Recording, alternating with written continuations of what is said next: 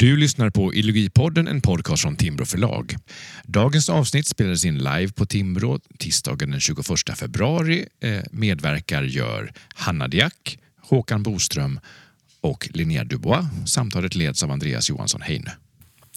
Då säger jag hej, god morgon och välkomna till Illogifrukost på Timbro förlag. Jag heter Andreas Johansson Heine och eh, här framme har jag med mig eh, tre gäster som ska diskutera eh, det breda ämnet marknader och eh, gemenskaper. Vi ska helt enkelt prata om det gemensamt ägda, eh, det privat ägda, eh, den gemensamma offentligheten, hur vi bäst organiserar den. Eh, vad bör vara gemensamt ägt? Vad bör ägas privat? Vad finns det för argument från olika liberala infallsvinklar? Och det ska vi då göra tillsammans med Håkan Boström som sitter här, som är ledarskribent på Göteborgs-Posten. Välkommen! Hanna Diak som sitter här som är eh, debattör, ledarskribent och vice ordförande för studentföreningen eh, Verdandi i Uppsala. Ja, tack. Och Linnea Dubois som är ordförande för Fria Moderata Studentförbundet. Och eh, tidigare också skrivit i Smedjan och jobbat här på Timbro. Eh, varmt välkomna alla tre. Tack, tack. Eh, jag tänkte att jag skulle börja med dig Hanna. Eh, du skrev för ett litet tag sedan en intressant text i Liberal Debatt med rubriken Folkets hus är inte till salu. Tror jag den var ungefär. Ja, där du helt enkelt, park. Äh, Folkets ja. park. Där du då argumenterar från ett liberalt perspektiv på eh, varför det finns ett värde i att vi äger saker gemensamt. Vill du, vill du börja med att sammanfatta ditt argument? Ja. Um, man kan väl säga att um, texten eller argumentet då skrevs men, uh, med utgångspunkten att diskussionen ofta hamnar i att eh, om någonting ska överlåtas åt marknaden eller inte, att det bara är en fråga om eh, vilka ska ha tillgång till verksamheten eller produkten, eh, att alla ska ha råd och så. Men att man inte pratar så mycket om att just att någonting är på marknaden då, eh, att det kännetecknas av specifika liksom, normer och ideal kopplat till det och att eh, det finns, eh, ifall man helt enkelt är för Eh, vill jag ge utrymme för en annan typ av värden ehm, så, eh, så, så finns det goda skäl att, att eh, saker ska vara till exempel gemensamma istället eller, ehm, eller så. Eh, och att även koppla det till liksom mänsklig frihet i ehm, att en del av att vara en full liksom, individ är ju att kunna uttrycka värderingar av olika slag men på en marknad så är det främst eh, de värderingar man kan uttrycka i egenskap av konsument och så. Um, så ja, det var lite där den började. Och det finns lite av en polemisk udd i din text där du tycker då att eh, liberaler ofta missar den här, den här aspekten. Men det finns en förståelse för att vissa saker ibland då behöver vara gemensamt ägda för att kompensera för att alla ska ha råd och så. Man finns en rädsla för att om någonting kostar för mycket så kommer bara vissa ha råd. Men du menar att bortsett från det så finns det ytterligare ett argument, ett perspektiv som du vill lyfta fram. Mm. Mm. Linnea, vad tänker du om det argumentet? Jag tycker att det är ett värdefullt argument i det att det är nytt. Um, samtidigt så tycker jag att det är att göra en dikotomi av någonting som inte nödvändigtvis är en dikotomi. Um, dels kan man prata om vilka värden som går att uttrycka på en marknad betydligt bredare. Uh, att vara konsument är på vissa sätt bland det finaste man kan vara. Och samtidigt så har du heller inte en uppdelning mellan den, den rena krassa marknaden, om man vill vara sån, och det statligt ägda. Det finns också utrymmen för andra typer av gemenskapsformer, om det är det man vill åt. Hur måste det här, hur tänker du det Hanna, eh, det gemensamt ägda, måste det vara i den formen av kommunalt, statligt ägt? Eller? Eh, vad, nej, vad är egenvärdet i just jag, det? Jag, jag är själv ganska mycket emot eh, eh, dikotomi och så tycker just att om man tänker snarare samhället i olika sfärer och olika värden så det är just ett sätt att inte ha det här dikotomiska, alltså offentligt privat eller eh, kommunalt eh, privat eh, liksom, eh, motsatsförhållandet. Men det är klart att ett sätt att eh, om man vill få mer liksom, pluralism så är det ju då, det behöver inte vara att vi ska liksom, avskaffa marknaden utan då är ju men gemensamma former, alltså folkbibliotek eller Folkets park eller, eh, eller sånt. Det är, ju, det är ju ett sätt att trycka tillbaka det lite och liksom lämna utrymme för eh, den formen av verksamheter också, men det behöver ju inte vara liksom antingen eller. Um. Håkan, du är ju också eh, historiker, ekonomhistoriker. Eh, om du skulle börja i den ändan och se hur, hur, har liksom, hur skulle du beskriva den historiska utvecklingen i Sverige vad gäller synen på, på det gemensamt ägda? Ja, alltså man, man kan ta, då, ta ett exempel, eh, det som kallas för Kungliga postverket.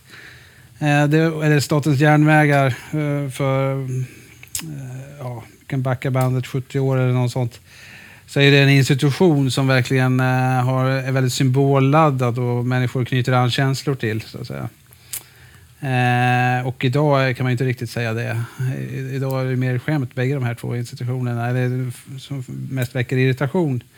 Så att det, det här med att eh, ta upp den här meningsaspekten tycker jag är väldigt relevant. Eh, det gäller inte bara statlig verksamhet, eller offentlig, det gäller också privat verksamhet. Alltså, du, du har egentligen en liknande utveckling eh, när det gäller mycket privat. Jag anser ju att det blir ofta det här stat mot marknad, men egentligen finns det andra skiljelinjer som är viktigare. Eh, om du tar byggande till exempel, när du hade pri små privata byggfirmor som byggde hus i storstäderna, Stockholm, Göteborg, Malmö och så vidare, eh, så eh, byggde man på ett annat sätt än när du har ett fåtal stora byggbolag som bygger likadant och standardiserar och samarbetar med staten och får subventioner av staten och det ska vara på ett sätt överallt och så vidare. Eh, och det där går igen på många andra områden också.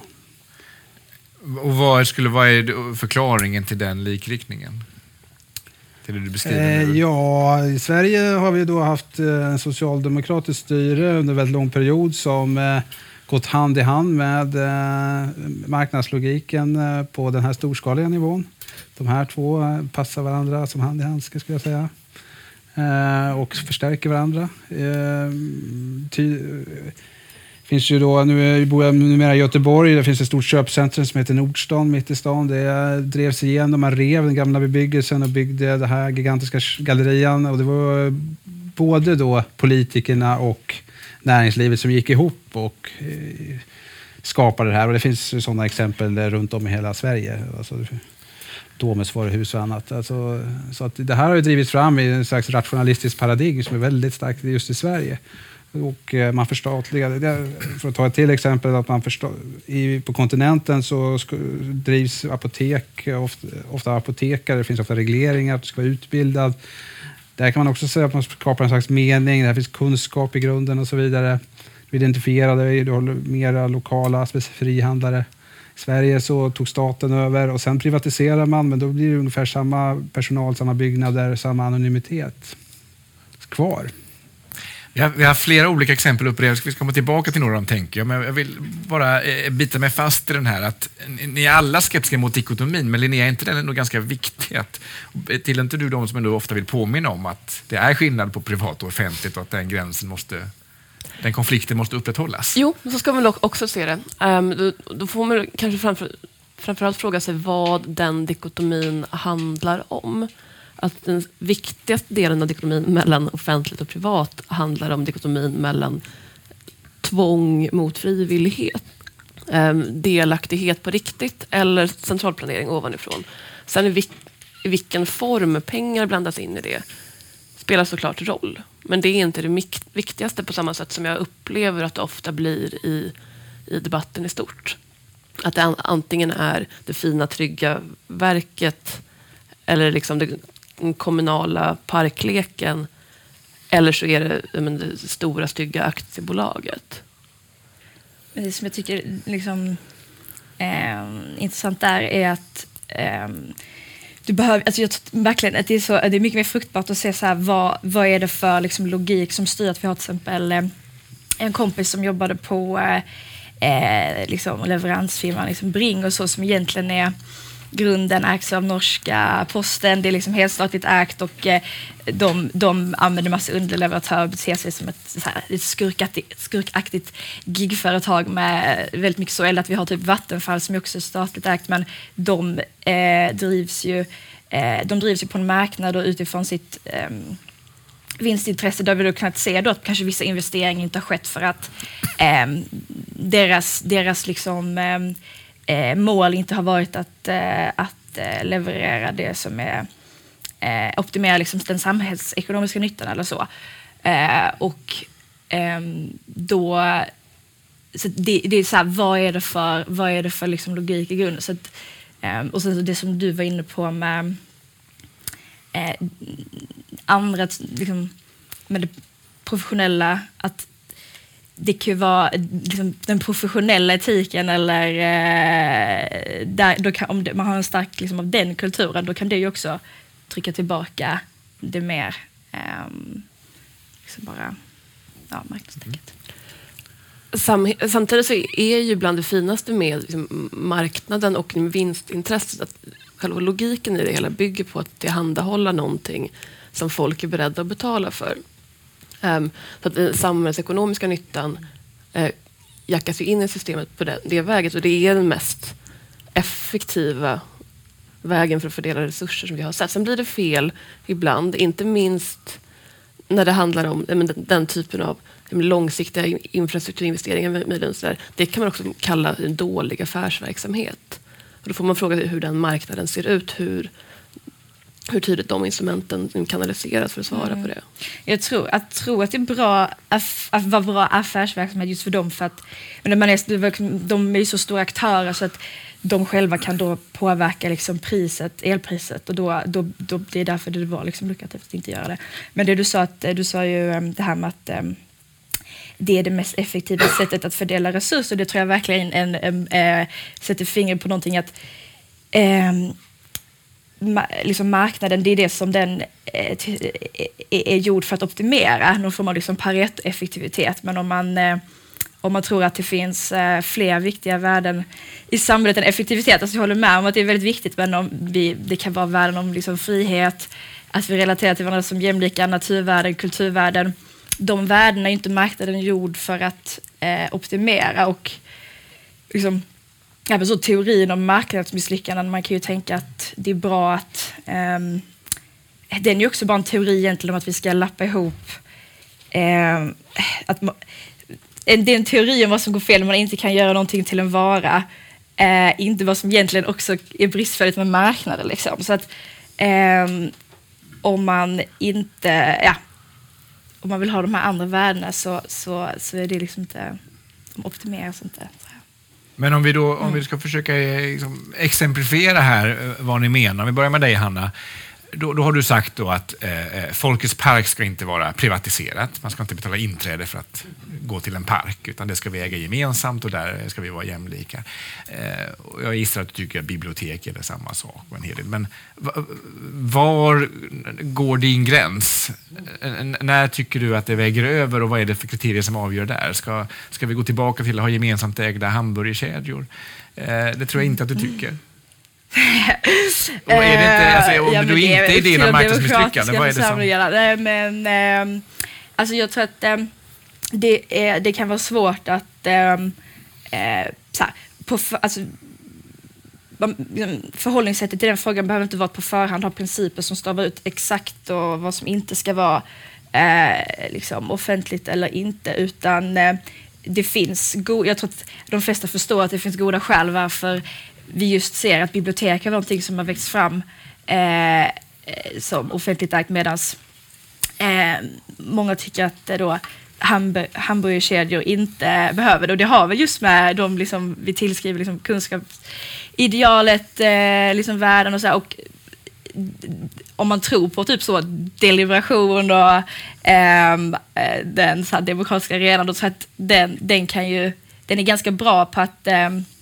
Eh, få fram, eh, få fram liksom göra, liksom göra de besluten. Och det har väl varit bra att på många sätt har staten liksom backat tillbaka. Men jag tror att idag så finns det många som man vill inte tillbaka till statliga hamburgerkedjor eller så, men att det finns många som känner att eh, det har backat för långt och att det kommersiella har liksom börjat genomsyra för, eh, för mycket. Och sen så vill jag också bara säga det här med folket, att det inte bara så, nu ska vi gulla runt och leka i parken och så, men jag läste precis um, Eh, Kjell Johanssons jättefin eh, här, eh, bok eh, Huset vid floden om en, en fattig familj som växte upp i Midsommarkransen 40-50-talet. Och, eh, eh, då, och det är mycket så kopplat till typ skammen att vara fattig och hur andra ser på dem. Och sen så är det en sån scen när de besöker eh, biblioteket.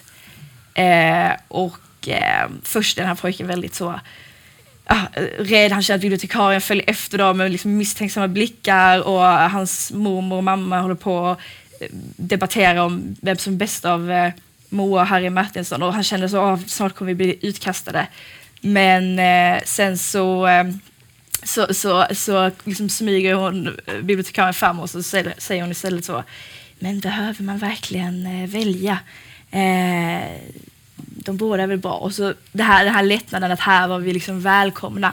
Det erkännandet, um, ja, tror jag är väldigt viktigt. Mm.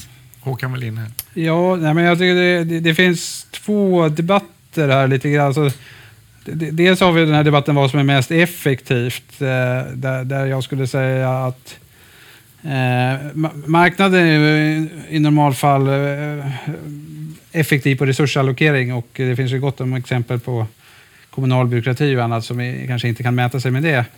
Sen har vi idag, eh, anser jag, eh, många sådana kvasimarknader som inte fungerar som marknader utan mer rent-seeking. Alltså att eh, privat kapital får skatt, lever på skattemedel på, utan, utan att vara konkurrensutsatt, vilket är ett problem i sig. Men det där är kanske mer en teknisk ekonomisk fråga. Men sen den här andra diskussionen eh, egentligen en, en annan diskussion om, om, om med, det här meningsbyggandet. Jag tycker den är kanske ännu mer intressant. Eh, eh och, och, där skulle jag vilja säga att det, behöver inte heller vara statligt eller offentligt finansierat. I Göteborg då, som jag har läst in mig på eftersom jag flyttade dit, eh, så, så, så var, var ju den här donationsstaden, eh, sent 1800-tal eh, och även tidigt 1900-tal, där de privata kapitalisterna byggde upp eh, alla stora institutioner, hela Götaplatsen, eh, konstmuseer, teatrar, bibliotek. Man byggde bibliotek i arbetarstadsdelarna. Eh, och där tror jag på många sätt var, hade minst lika stark affektionsvärde som eh, om det blev kommunalt. Sen kommunaliseras mycket av de här institutionerna under mitten av 1900-talet, men det berodde ju ja, det, det berodde på att det blev dyrare att driva genom eh, att man, man höjde också skattetrycket i Sverige, så det gick inte att, att donera pengar på samma sätt. Så, eh, men, men det kräver ju också en, en, viss form av kapitalister som är lokalt förankrade och, eh, och det har vi inte på samma sätt idag som vi hade då. Eh, och, eh, så, så, att eh, allting beror, det beror så att säga, inte i första hand på om det är privat eller offentligt, där, utan det handlar om andra saker, kontexten. Linnea, delar du Håkans längtan tillbaka till det tidiga 1900-talets donationskapitalister? Ja, jag minns det inte. Men det finns ju väldigt, väldigt mycket i den berättelsen som är väldigt tilltalande.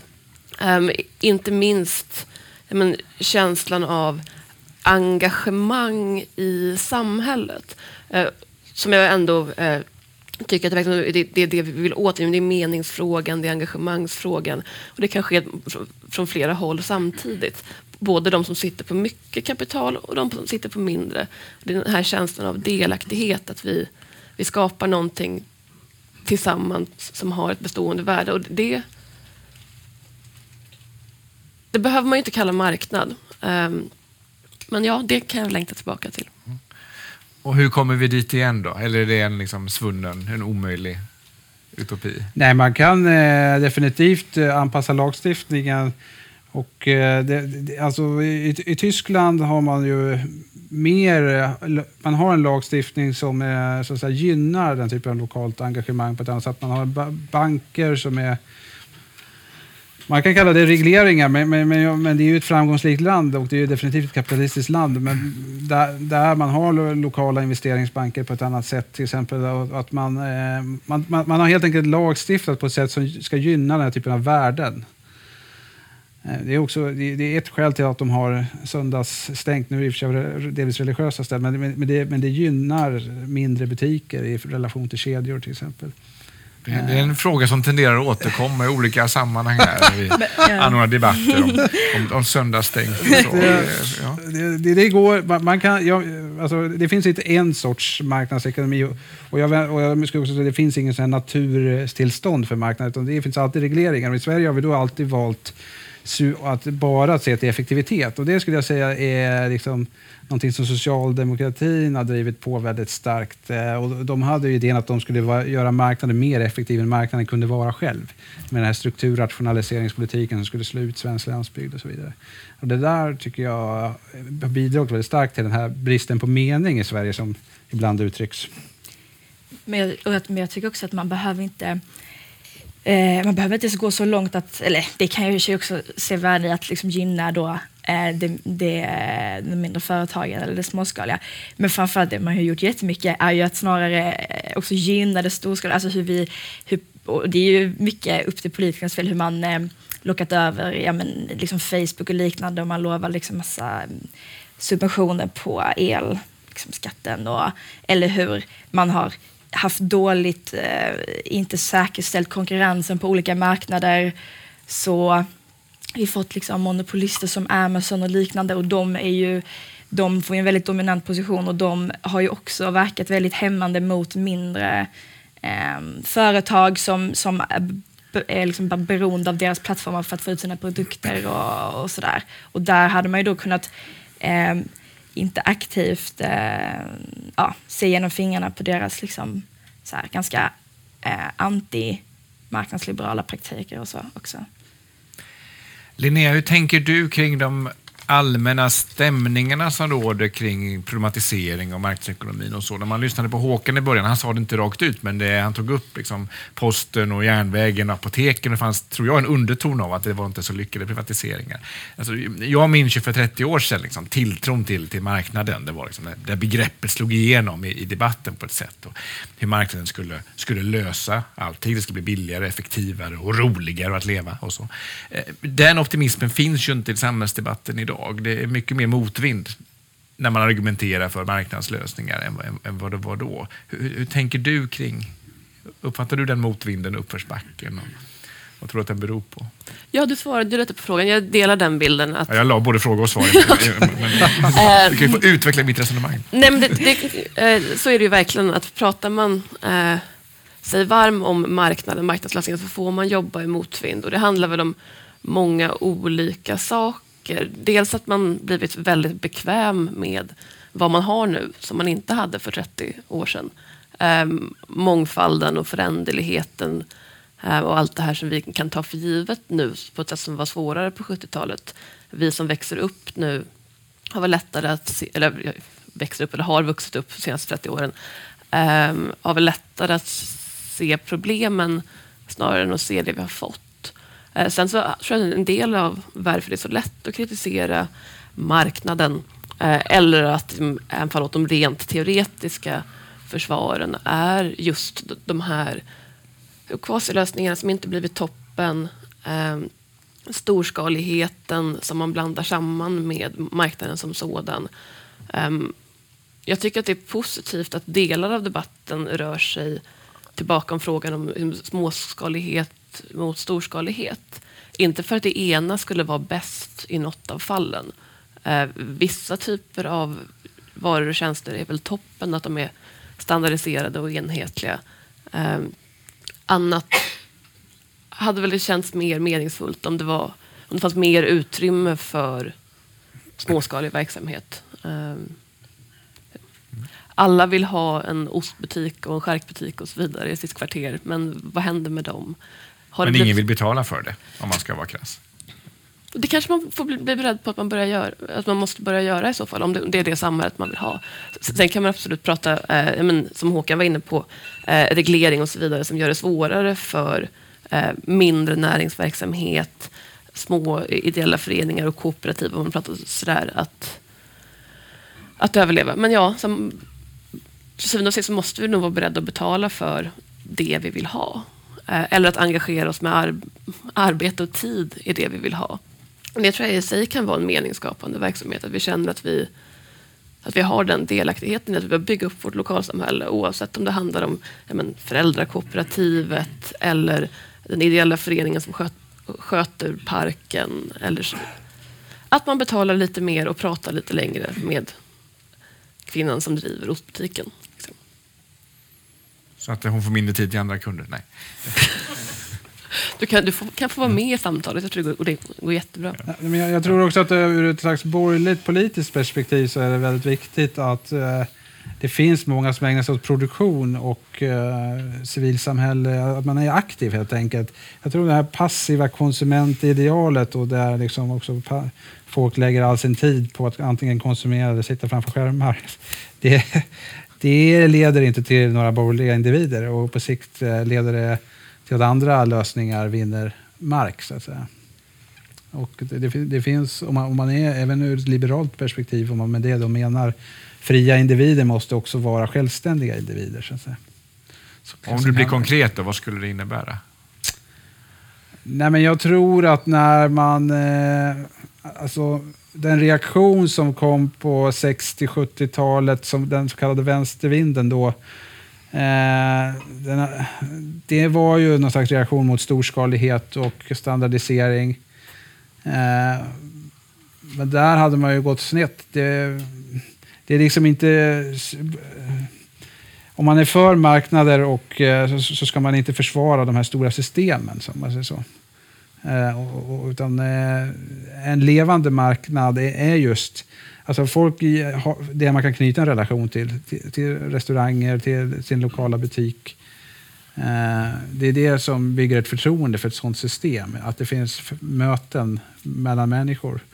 Och om man då driver de här standardiseringslösningarna för långt så kommer det istället eh, folk att eh, köp, köpa liksom, eh, ännu, ännu mer folk som, marknadskritiska lösningar, så att säga. Eller att man vill förstatliga eller något sånt. Eller reglera.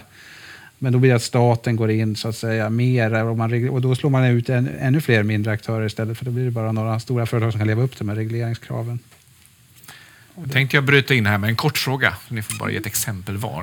Ni ska få två stycken. Men först ska ni svara på er favoritprivatisering.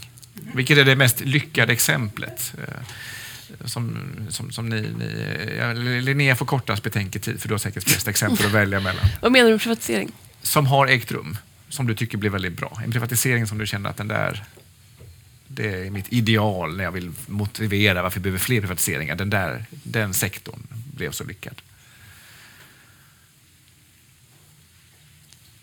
Televerket. Mm.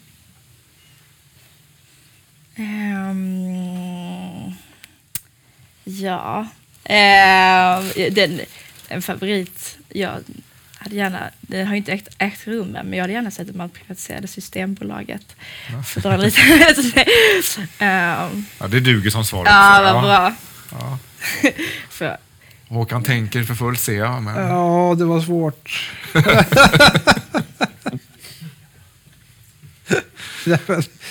Eh, ja, vad skulle det vara som är favorit? Det blir... Ja, men, eh, nej, men jag har svårt att svara på det. för att eh, jag, jag, kan ju tycka att man skulle ha låtit bli att förstatliga apoteken. Då hade det varit bra, så att säga. Mm.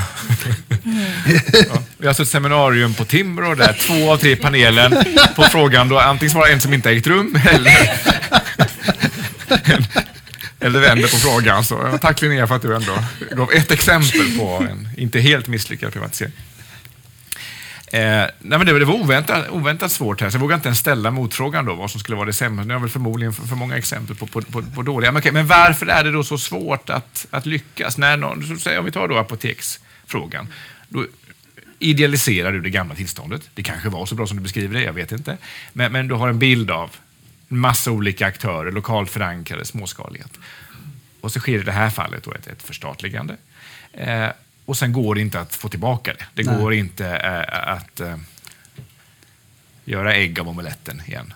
Utan eh, man, man, sitter där med, med, liksom, med någon, slags, någon, någon, slags kopia av det statliga fast privatägt. Och så. Ja, vi har ju en lättare form av det postkommunistiska problemet i Östeuropa. Ska jag säga att det är svårt att få tillbaka civilsamhället säga, när det en gång har förstörts. Men, Ja, men är inte det en alltför dystopisk syn då? ja, det, det kanske är. Jo, liksom- Men man ska, bara för att göra tanken tydlig. Så. att säga. Vad tänker du Linnea? Jag tänker att det går väldigt fort att rasera saker men tar lång tid att bygga upp det igen. Men jag tror att Håkan har rätt. Är det en förenkling? Ja, nej. Eh, inte nödvändigtvis, men för att bygga upp den liksom, mångfald som vi hade på sig, apoteksmarknaden innan. Där det var ju liksom företag som gick i arv. Eh, och så, så lång tid har vi inte har vi inte haft än. Och när man går från en enhetlighet, då blir det liksom presumtionen för vad man jobbar ifrån när folk börjar springa åt olika håll. Um, jag tror att det är superduperviktigt med just ja, men konsumentengagemanget. Um, sen är det just apoteksmarknaden. Jag tror säkert att det vi köper på valfritt apotek nu är betydligt säkrare än det man köpte på valfritt ak- apotek um, 1910. Men eh, Ja, men det kan ha andra orsaker, men absolut. Men jag tycker en bra parallell eh, till det också är ju liksom eh, skolmarknaden nu där man såg i början att ja, men det kom mycket liksom, idéburna och kooperativ och, och liknande men att vi sen efterhand har sett att eh, liksom, koncernerna som är har ett incitament för expansion och så att de här, även om det finns många som vill göra, driva liksom, av idéer och småskalighet och liknande, att när det finns så starka krafter så, så, så, eh, så ja, när man väl står där inför möjligheten att, att liksom sälja och, och få en ganska bra summa för det så jag förstår jag att många gör det, men att där tror jag väl att det kan Eh, tar man bort, eh, tar man bort eh, den möjligheten till, eh, till eh, eh aktiebolag eller liksom vinstdrivning i, i välfärden, då, eh, jag tror inte det är för sent än att, eh, att eh, behålla den mer liksom, kooperativen och, och så. Då det ska komma tillbaka. Vi har varit inne på det några gånger eh, med, med liksom kvasimarknader kontra riktiga marknader och så. Eh, och, och, och där finns ju, som skulle jag säga, från, från vänsterhåll nästan en taktik att kalla kvasimarknader för marknad. Man säger marknadsskolan och så är det marknadslogikens fel. Men om man vänder på det från ett, från ett borgerligt håll, att inte kunna stå emot det där, så det där är ingen riktig marknad. Och, eh, alltså, Ser ni en risk att kritiken mot kvasimarknader spiller över på de äkta marknaderna? Hur tänker du Linnea om det? kort svar, absolut. Jag skulle säga att borgerligheten har bidragit till det genom att försvara kvasimarknaden allt för intensivt, som om det vore marknad. Och ja, jag skulle säga att eh, kvasmarknaden eller sådär, men det är ju, de drivs av en marknadslogik och det är det som är det intressanta att titta på. Så då kan eh, kritiken ändå vara, vara välriktad. Liksom. Jag ska om en liten stund ge er chansen att eh, ställa frågor till panelen så ni kan börja fundera om ni har en bra fråga. Eh, eh, så, så har ni fått den förvarningen där. Eh, om vi går tillbaka lite till där vi började med, med Hannas resonemang om, om det. För vi hamnar ju lätt nu i, ändå i diskussioner där vi glider in på det här med effektiviteten och vad fungerar och vad får vi som konsumenter liksom, det ligger ju också i det här med, med småskaligheten. Det är trevligare med, en- med, med en välsorterad ostbutik än att allting är liksom, i en och samma, stöpt i samma form. och så. Det är också någon form av effektivitet eller kundönskemål och så. Men om vi går tillbaka till, till ditt ursprungsargument kring, kring att ha sfärer i samhället som är helt fria från den ekonomiska marknadslogiken och värdet i det. Eh, och då började du med att säga att det var, det var lite... Ja, jag skulle vilja liksom utveckla kritiken mot det argumentet. Vi hann inte med det så mycket. För jag tolkar det i alla fall som att du inte var så övertygad och så gled du snabbt in i ett effektivitetsargument. Ja, jag vet. Men, jag klantar mig lite där. Nej, det är fullt rimlig invändning. Men, Eh, nej, men, om, om vi biter fast i, i, liksom, i just den här... Att, att vara människa i samhället. Behöver vi ha zoner, sfärer där vi fredas från konkurrens och värden i ekonomiska termer? Jag har ab- absolut ingen kritik mot det rent mänskliga argumentet att det kan finnas zoner där men, gemenskap, andra värden går först. Familjen är ett exempel på sånt. Många ideella föreningar är exempel på sådana. Eh, men går man till Zetterberg och sfärteori liksom, så är det en bärande del i ett ganska klassiskt borgerligt argument att olika samhällssfärer bör präglas av olika logiker. Eh, universitet är inte näringsliv. Eh, så, eh, religion är definitivt inte näringsliv. Ehm.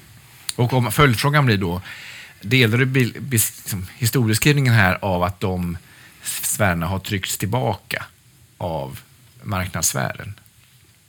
För det uppfattar jag ändå att han argumenterar för. Att, eh, och Håkan också kanske skulle skriva under på. Ja, jag skulle nog säga att det ett alltså ett new public management-tänkande har skadat universitetet till exempel. Eh, Alltså, där, där folk får bli, f- istället, alltså det är inte, i någon slags effektivitetsanda så ska man vara eh, publicera så mycket som möjligt istället för att eh, försöka så att säga, bara forska fritt i någon mening.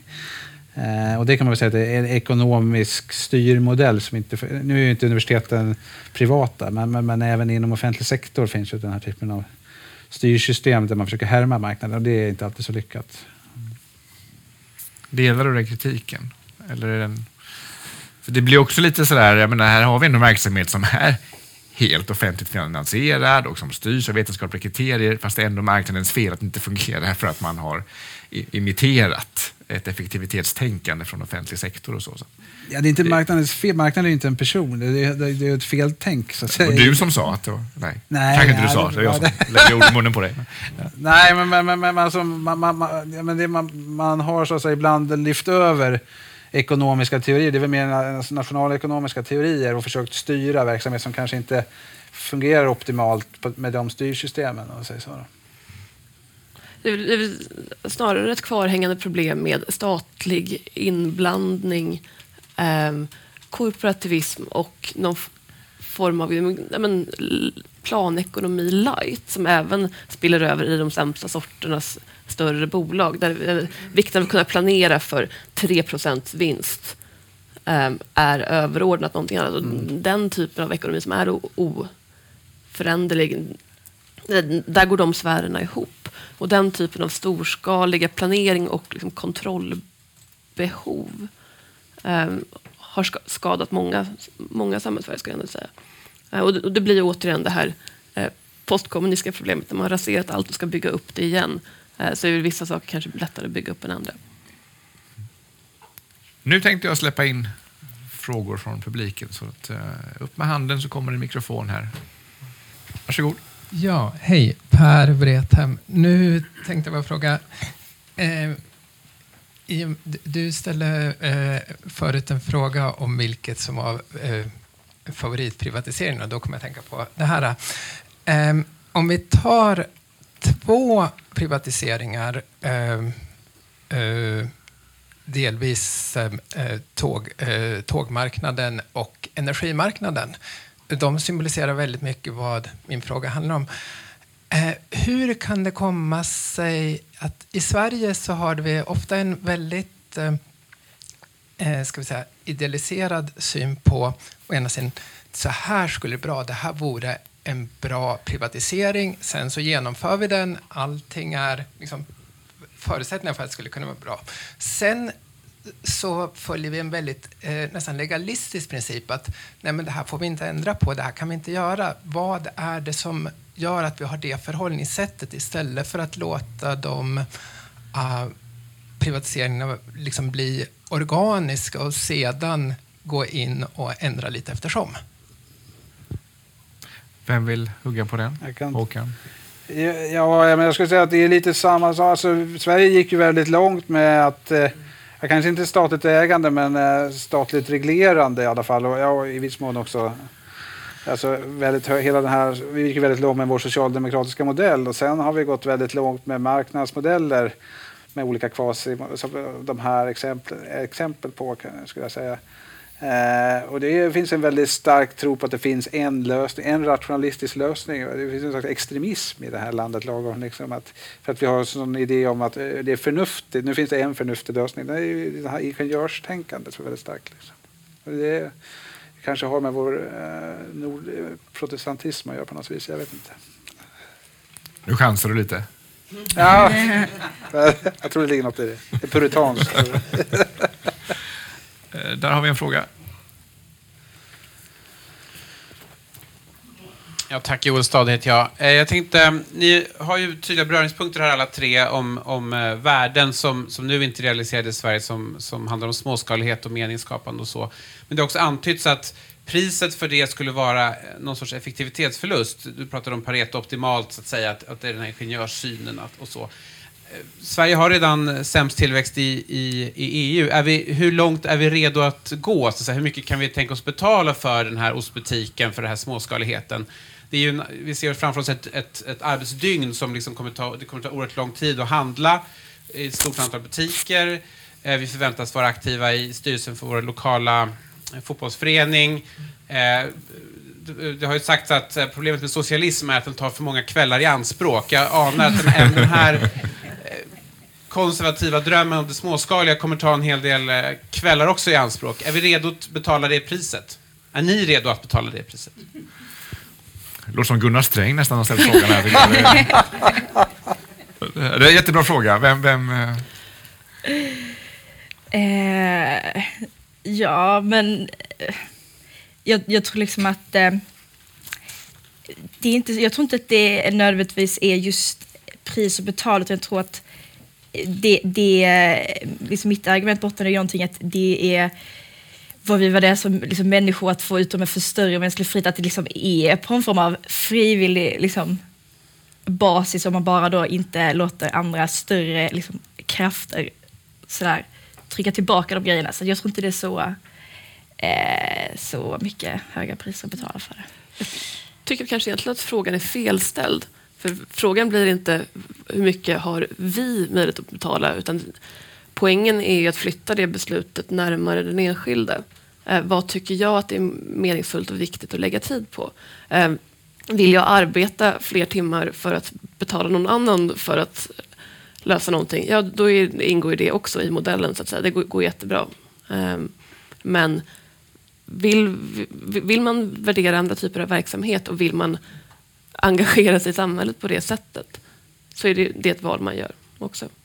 Um, men Håkan, du var inne på förut att lite färre Netflix-timmar och lite ja, mer nej, men Jag skulle säga att eh, vi har ju idag system på olika sätt då, som kanske gynnar det här konsumentidealet så att säga. Det är, man kan lika gärna ha, jag skulle säga det är inte så att dagens modell är neutral för, utan eh, man, man, kan reglera det lite annorlunda så att det blir lite kanske mer eh, gynnsamt att göra andra val. Eh, eh och, eh, och, och framförallt då att man kan göra olika val. Så det är inte så att vi ska införa någon slags Pol Pot-system.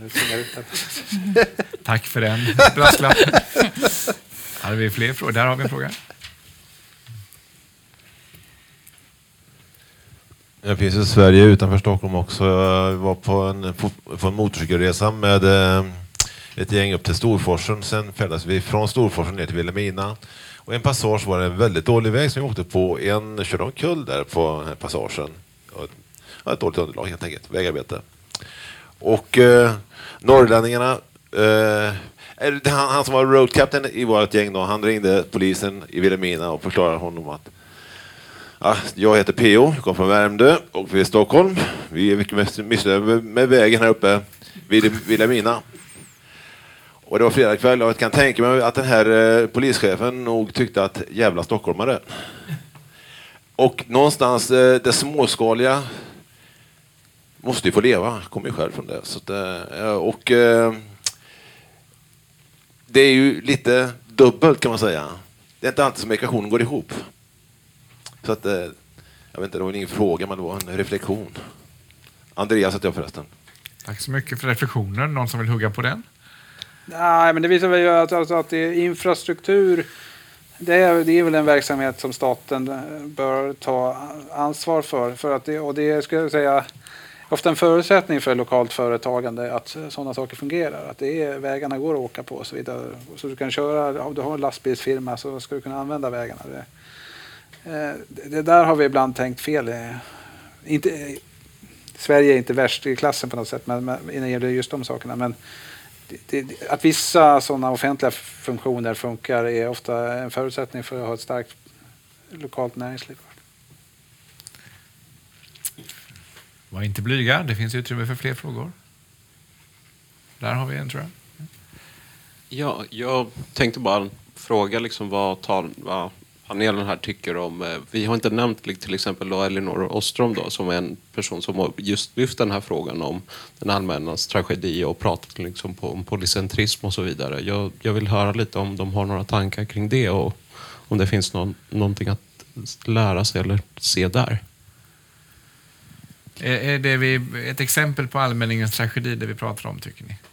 Att ingen, ingen tar ansvar för den, det gemensamma, vilket gör att vi alla får det sämre.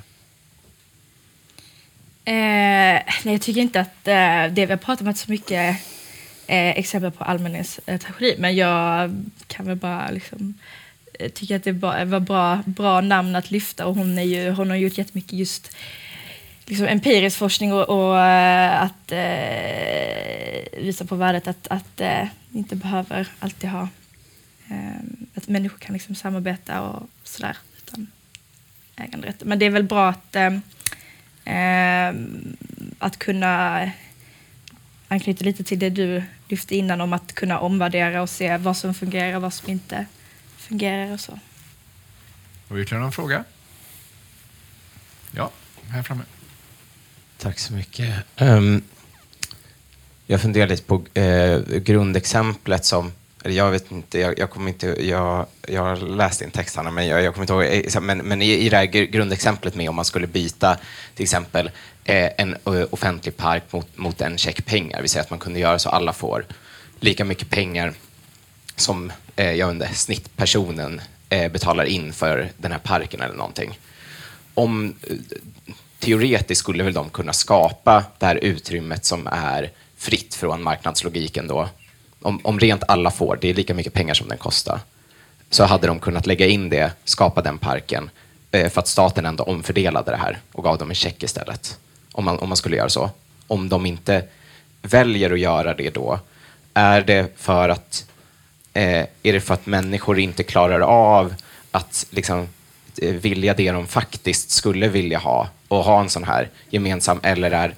Eh, för att jag tycker att det är ett, liksom ett väldigt bra argument och även det här du lyfter med hur man bemöts på bibliotek, alltså att det finns offentligt. Men varför skapas det inte eh, frivilliga, eh, frivilliga utrymmen utanför marknadslogiken? Om man, ja men, eh, om man då tar det, hur skulle det fungera om man bara bytte ut mot checkar istället? Eh, det är just det att till, alltså, vissa saker går, till exempel jag, vi kan som samhälle och även jag som liksom, person sätter jättestor vikt på våra liksom, nationalparker utan att jag har en, en idé om att jag själv ska gå dit och betala ett inträde med en check jag har fått. Det är liksom ändå något vi värderar. Precis som att eh, man liksom som eh, lokalt samfund kan värdera den här gemensamma parken utan att jag just ska uttrycka den värderingen via att liksom betala ett litet inträde från liksom en check jag har fått. Att man kan liksom inte reducera de eh, valen till alltid till den här liksom enkla transaktionen. Eh, är det väl det korta svaret. Linnea, vill du ha en, en check med pengar att skapa din egen park? Ja, just checken för parken tänker jag beror väldigt mycket på eh, i vilken del av landet man befinner sig. I alla delar av landet så kanske inte en, liten, en, en grön plätt med en bänk är det man saknar mest. Eh, och i Stockholm så finns det inte, här, den mark som finns att köpa för de ändamålen eh, kommer nog inte motsvara den checken. Eh, men är det verkligen så att det inte skapas några eh, utrymmen utanför marknadslogiken idag? Eh, just det fysiska rummet är ju svårt, men sådär, mm, koloniträdgårdar finns. Eh, att kommunen äger marken i väldigt många fall komplicerar det, den biten. Liksom. Men ideella föreningar, eh, studentföreningar, studentnationer. Liksom det, det är rum utanför marknadslogiken det också. Jag ska släppa in ett par frågor till, men jag sitter och funderar på en sak själv här. För jag tycker mig ha upptäckt en, en, en motsättning i alla era resonemang här, faktiskt. Mm. Eh, att, å ena sidan, så, så, när ni då förespråkar era respektive positioner, så pratar ni alla väldigt väl om mångfald och pluralism. Liksom, vi vill ha många aktörer och man ska få välja vem man går till och, och så vidare. Samtidigt så finns det, är ni också förespråkare för det här behovet av, av, av liksom den gemensamma offentligheten. Finns det inte en spänning här? Att eh, om, man, om man tar över eh, eh, alltså checkargumentet då, att man, var och en får göra vad man vill va? och så tror vi att det ska skapas en mångfald. Raserar man inte gemenskapen då? Ett återkommande eh, förslag som dyker upp ibland från, från eh, till exempel Borgerliga ungdomsförbund är ju att eh, vi ska inte ha gemensamma helgdagar utan var och en ska få liksom få välja, utöver semestern ska man få välja, vill man vara ledig på jul eller påsk eller några helt andra dagar och det ska vara religionsneutralt och sådär eh, valfritt, mångfald, men också man raserar stadgan i samhället av att vi tar lite lugnare under julen och påsken och industrisemestern och så.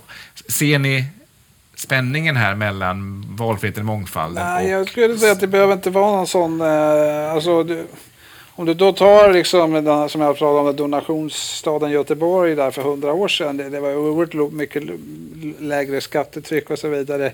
Det sköttes ju privat. Eh, och, och, det blev ändå, och hade ändå ett starkt offentligt rum, eh, starkare gemens, offentlig gemenskap än idag. Eh, starkare känsla för, för staden.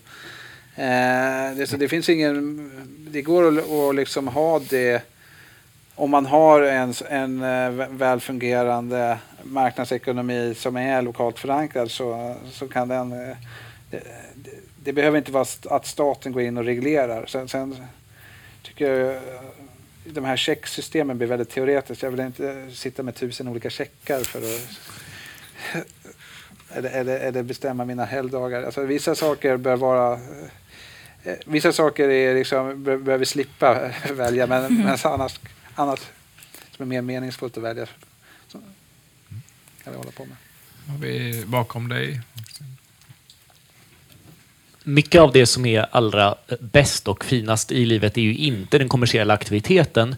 Men eh, om man tar de största litteraturupplevelserna till exempel är ofta utgivna på vinstdrivande förlag. Och de finaste hemmakvällarna med de nära, nära vännerna äter man kanske en ost från den kommersiella ostbutiken på hörnet. Eh, det är ju mycket den tillväxt, den företagsamhet, den kommersialism som vi har i hela samhället som möjliggör de finaste och eh, som mest medborgerliga, civila, personliga eh, delarna av samhället.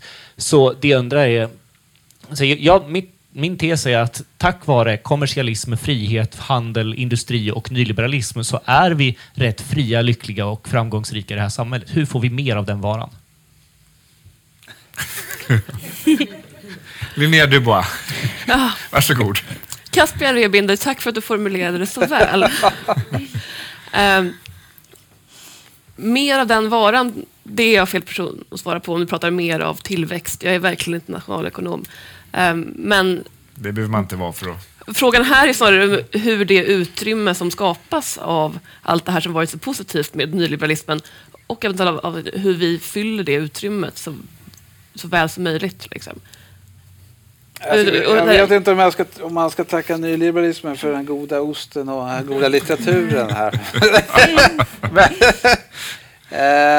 eh, å, återigen så är det väl liksom att det finns förlag eh, som är beredda att satsa på kvalitet och ta risker. Det är bra. Eh, alltså jag, håller, jag håller i grunden med om att, det, att alltså om, om du med kommersiell, kommersialism menar marknad så är det, det, är inget fel, det är inget fel i det.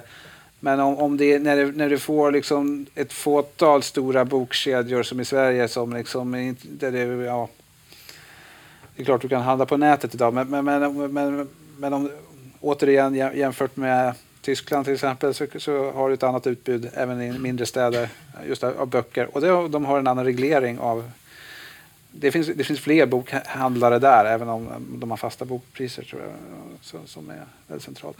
Så. Mm. Och så har vi en fråga till. Två rader bak. Hej. Eh, Jakob Rudenstrand heter jag. Eh, en, eh, bara en, först en reflektion och sen en fråga. Min, min, favorit, eh, av, priva, eh, min favorit, favoritprivatisering och avreglering det är ju ska man ju säga, kyrkan eh, och religionen i, i svenska samhället. Men det för mig in i, eh, på just eh, dagens tema som också handlar om gemenskaper. Eh, jag och min fru, vi, vi har tre små barn och ett av våra aktiviteter är ju att gå på öppna förskolor som oftast sker i Svenska kyrkans regi och eh, olika kyrkors regi. Och vi har inte pratat så jättemycket om gemenskapernas betydelse här, även om eh, temat handlar ju om marknader och gemenskaper. Och ehm, ehm Utmaningen som jag ser är att, liksom, att vi antingen handlar liksom det statligt eller offentligt ägda eller det, liksom marknadens eh, eh, eh, det, det, det, marknaden ger. Och det, det, liksom, det, finns ju positiva aspekter i det, men missar vi inte någonting här när vi inte pratar om de, de fria gemenskaperna där liksom, föreningar, eh, kyrkor och andra församlingar också bidrar med mycket gott. Tack. Jag, tyckte vi, jag tycker vi har pratat om det. Eh, tråkigt om det inte har gått fram. Jag tycker absolut att vi skulle behöva prata mer om det i med samhällsdebatten i stort. Eh, men jag, jag uppfattar ändå som att vi är ganska eniga om att de, just de verksamheterna bidrar med så extremt mycket gott. Eh, och att det viktiga är väl att få dem att fungera på så bra sätt som möjligt, att ge dem utrymme att fungera. Precis. Um, Eh, liksom, kyrkan kan ju också vara ett sånt rum där man får sitt ja, man kan komma och få sitt erkännande utan liksom betalningsförmåga. Men jag tror liksom inte det står i kontrast till, eller står i motsats till att även eh, ja, de här andra typerna av gemenskaperna som vi har, har lyft. Ska vi ha kyrkliga bibliotek istället för kommunala? De klarar ju av öppna förskolor, så varför inte ha... Eller kyrkliga ostbutiker. Alltså, vi skulle kunna ha mer kyrkliga skolor kanske. Att, eh, jag förstår inte, Svenska, kyr ja, Svenska kyrkan hade kanske kunnat gå in som skolaktör på ett annat sätt. Vi hoppas att den tipset går fram. eh, tack så jättemycket till Håkan Boström, Hanna Diak, Linnea Dubois. Tack till er som kom hit och lyssnade och deltog och ställde frågor. Eh, lyssna gärna på det här samtalet i eh, podden på fredag. För det var ju bra, så ni vill säkert höra det igen. Tipsa andra om det. Kom ihåg eh, eh, bokrean imorgon. Och eh, ja, just det. Välkomna tillbaka till det här sammanhanget eh, om ganska exakt fyra veckor igen. Tisdagen den, vad är det idag? 21? 21. Då blir det också den 21 mars. Det är lätt. Eh, mars, februari. Eh, tisdag 21 mars har vi en ny frukost här framme. Då kommer Katarina Barling, Christian Abrahamsson och Håkan Lindgren ska prata om Sveriges utveckling från tredje ståndpunkten till NATOs väntrum. Hur den svenska självbilden och relationen till omvärlden har förändrats. Alltså dubbelheten i vår fascination för det främmande och vår eh, övertygelse om att vi själva vet bäst och hur det där har sett ut. Det tror jag också blir spännande. Så, tack för idag. Ses igen.